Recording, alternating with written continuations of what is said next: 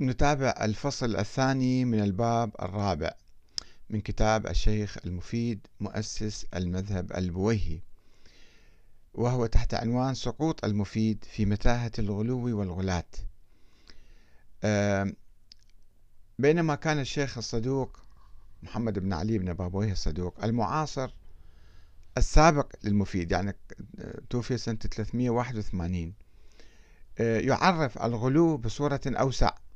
ويقول اعتقادنا في الغلاة والمفوضة أنهم كفار بالله تعالى وأنهم أشر من اليهود والنصارى والمجوس والقدرية والحرورية ومن جميع أهل البدع والأهواء المضلة وأنه ما صغر الله جل جلاله تصغيرهم شيء وقال الله تعالى ما كان لبشر أن يؤتيه الله الكتاب والحكمة والنبوة ثم يقول للناس كونوا عبادا لي من دون الله ولكن كونوا ربانيين بما كنتم تعلمون الكتاب وبما كنتم تدرسون. ولا يأمركم أن تتخذوا الملائكة والنبيين أربابا. أيأمركم بالكفر بعد إذ أنتم مسلمون؟ وقال تعالى لا تغلوا في دينكم. وكان الرضا يقول في دعائه يواصل الشيخ الصدوق اللهم إني أبرأ إليك من الحول والقوة فلا حول ولا قوة إلا بك. من الذين ادعوا لنا ما ليس لنا بحق. من الذين قالوا فينا ما لم نقله في أنفسنا. اللهم لك الخلق ومنك الأمر وإياك نعبد وإياك نستعين.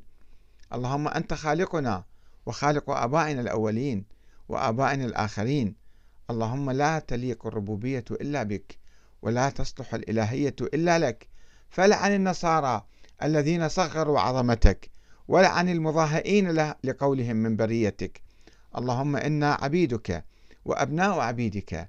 لا نملك لأنفسنا ضرا ولا نفعا ولا موتا ولا حياة ولا نشورا. اللهم من زعم أنا أرباب فنحن إليك منه براء. ومن زعم أن إلينا الخلق وعلينا الرزق فنحن إليك منه براء. كبراءة عيسى عيسى من النصارى. اللهم إنا لم ندعهم إلى ما يزعمون فلا تؤاخذنا بما يقولون واغفر لنا ما يزعمون رب لا تذر على الأرض من الكافرين ديارا إنك إن تذرهم يضلوا عبادك ولا يلدوا إلا فاجرا كفارا. آه، ونتيجة لتوثيق الشيخ المفيد لزعيم المفوضة اللي هو المفضل ابن عمر الجعفي واشتباهه في تعريف حدود الغلو.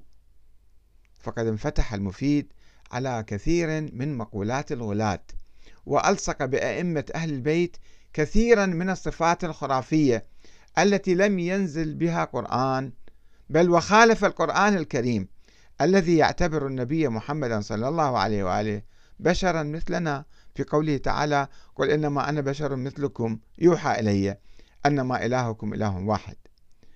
وينفي علم النبي بالغيب. القرآن ينفي علم النبي بالغيب. قل لا أملك لنفسي نفعا ولا ضرا إلا ما شاء الله. ولو كنت أعلم الغيب لاستكثرت من الخير وما مسني السوء إن أنا إلا نذير وبشير لقوم يؤمنون. ويرفض طلبات المشركين من النبي بالإتيان بالمعاجز والآيات. وقالوا لن نؤمن لك حتى تفجر لنا من الأرض ينبوعا. أو تكون لك جنة من نخيل وعنب فتفجر الأنهار خلالها تفجيرا. أو تسقط السماء كما زعمت علينا كسفا. أو تأتي بالله والملائكة قبيلا. أو يكون لك بيت من زخرف أو ترقى في السماء. ولن نؤمن لرقيك حتى تنزل علينا تنزل علينا كتابا نقرأه. قل سبحان ربي هل كنت إلا بشرا رسولا؟ وهو ما يؤكد رفض النبي لاجتراح المعاجز كدليل على نبوته واعتماده فقط على القرآن الكريم. ولكن الشيخ المفيد يدعي نزول الملائكة على الأئمة وعلمهم بالغيب وإتيانهم بالمعاجز والآيات رغم نقله لقول الإمام علي الذي يؤكد فيه انقطاع الوحي والذي يرويه في كتابه الأمالي. الشيخ المفيد يروي بسنده عن ابن عباس قال لما توفي رسول الله صلى الله عليه وآله وفرغ علي من غسله. قال بأبي أنت وأمي طبت حيا وطبت ميتا. انقطع بموتك ما لم ينقطع بموت أحد ممن سواك من النبوة والإنباء. وقد استعرضنا في الفصل الماضي الحكايات الأسطورية التي أوردها المفيد عن معاجز الأئمة من أهل البيت كدليل على إمامتهم الإلهية. وسوف نستعرض هنا أقواله التي نسبها لأولئك الأئمة ناقلا عن المفوضة والغلاة عموما في محاولة منه لإضفاء هالة مقدسة عليهم. آدم يسأل عن أشباح آل محمد. يرفض المفيد قول الغلاة بوجود ذوات الأئمة مسبقا يعني هم مع الله تعالى ويقول إن ذلك باطل بعيد عن الحق. لا يعتقده محصل ولا يدين به عالم وإنما قال به طوائف من الغلاة الجهال والحشوية من الشيعة الذين لا بصر لهم بمعاني الأشياء ولا حقيقة الكلام ويحاول التخفيف من هذه الأسطورة بالقول إن قيل إن أشباح آل محمد سبق وجودها وجود آدم. كما كان يقول الغلاة يعني فالمراد بذلك أن أمثلتهم في الصور كانت في العرش فرآها آدم وسأل عنها فأخبره الله أنها أمثال صور من ذريته شرفهم بذلك وعظمهم به. فأما أن يكون ذواتهم عليهم السلام كانت قبل آدم موجودة وقد قيل أن الله تعالى كان قد كتب أسماءهم على العرش فرآها آدم وعرفهم بذلك وعلم أن شأنهم به عند الله عظيم. هو يثبت هذا الشيء. يعني وقد قيل يقول وقد قيل أن أن الله كان قد كتب أسماء الأئمة على العرش. ويقول يجب أن تعتقد أن الله لم يخلق خلقا أفضل من محمد وآل محمد وأنهم أحب الخلق إليه وأكرمهم عليه وأن وأولهم إقرارا به لما أخذ الله ميثاق النبيين. وأشهدهم على أنفسهم ألست بربكم؟ قالوا بلى. وأن الله بعث نبيه محمدا إلى الأنبياء في الذر في عالم الذر قبل الخلق يعني قبل وجود الحياة الدنيا. وأن الله تعالى خلق جميع ما خلق آه، له ولأهل بيته.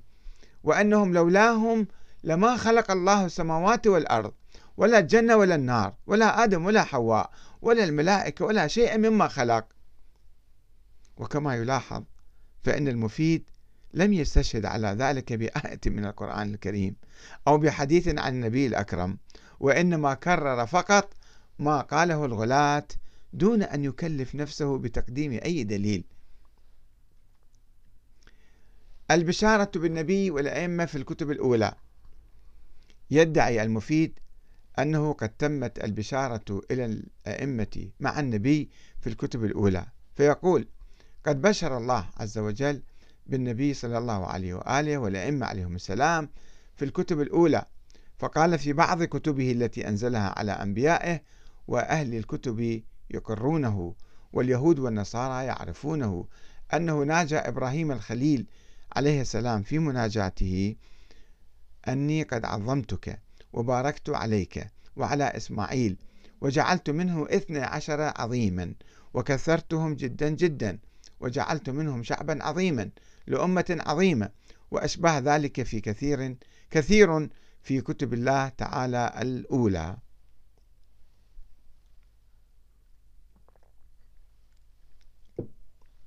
يقول وأشبه ذلك كثير في كتب الله تعالى الأولى.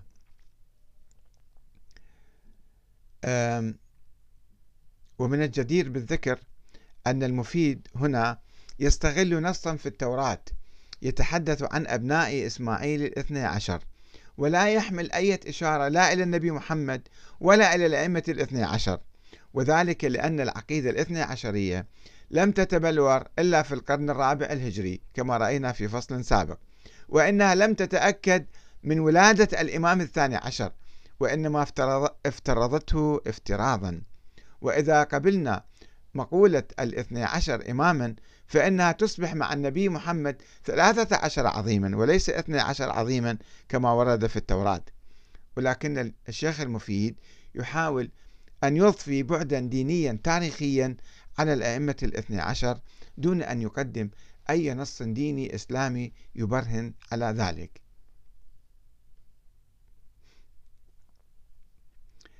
الأئمة أفضل من الأنبياء والرسل. يتردد الشيخ المفيد بين الغلاة المتطرفين والمعتدلين في تفضيل الأئمة على الأنبياء والمرسلين. فينقل لنا أقوالهم ثم يبين رأيه المختار ولكن دون أن يقدم الدليل. فيقول قد قطع قوم من أهل الإمامة بفضل الأئمة من آل محمد على سائر من تقدم من الرسل والأنبياء سوى نبينا محمد صلى الله عليه وسلم وأوجب فريق منهم لهم الفضل على جميع الأنبياء سوى أولي العزم منهم. وأبى القولين القولين فريق منهم آخر وقطعوا بفضل الأنبياء كلهم على سائر الأئمة.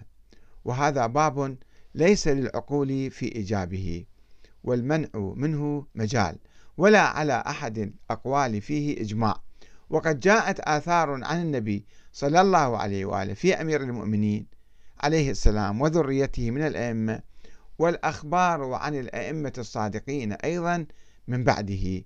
وفي القرآن مواضع تقوي العزم على ما قال الفريق الأول في هذا المعنى يعني آه، الأئمة أفضل من الأنبياء والمرسلين ما عدا النبي محمد. وأنا ناظر فيه وبالله أعتصم من الضلال. الأئمة أفضل من الملائكة. أما الرسل من الملائكة والأنبياء عليهم السلام فقولي فيهم مع أئمة آل محمد صلى الله عليه وآله كقولي في الأنبياء من البشر والرسل. وأما باقي الملائكة فإنهم وإن بلغوا بالملكية فضلا فالأئمة من آل محمد أفضل منهم وأعظم ثوابا عند الله عز وجل. بأدلة ليس موضعها هذا الكتاب.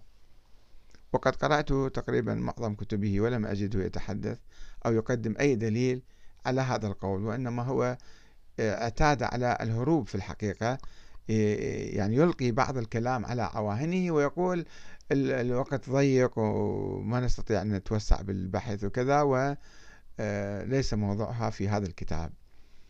وسوف نواصل هذا الفصل آه، الثاني الذي يتحدث عن الغلو في مقطع آخر إن شاء الله. والسلام عليكم ورحمة الله وبركاته.